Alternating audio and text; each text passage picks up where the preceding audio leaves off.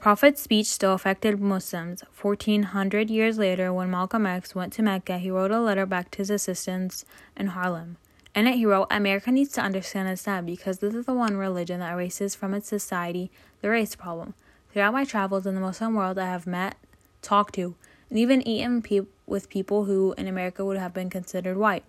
But the white attitude was removed from their minds by the religion of Islam.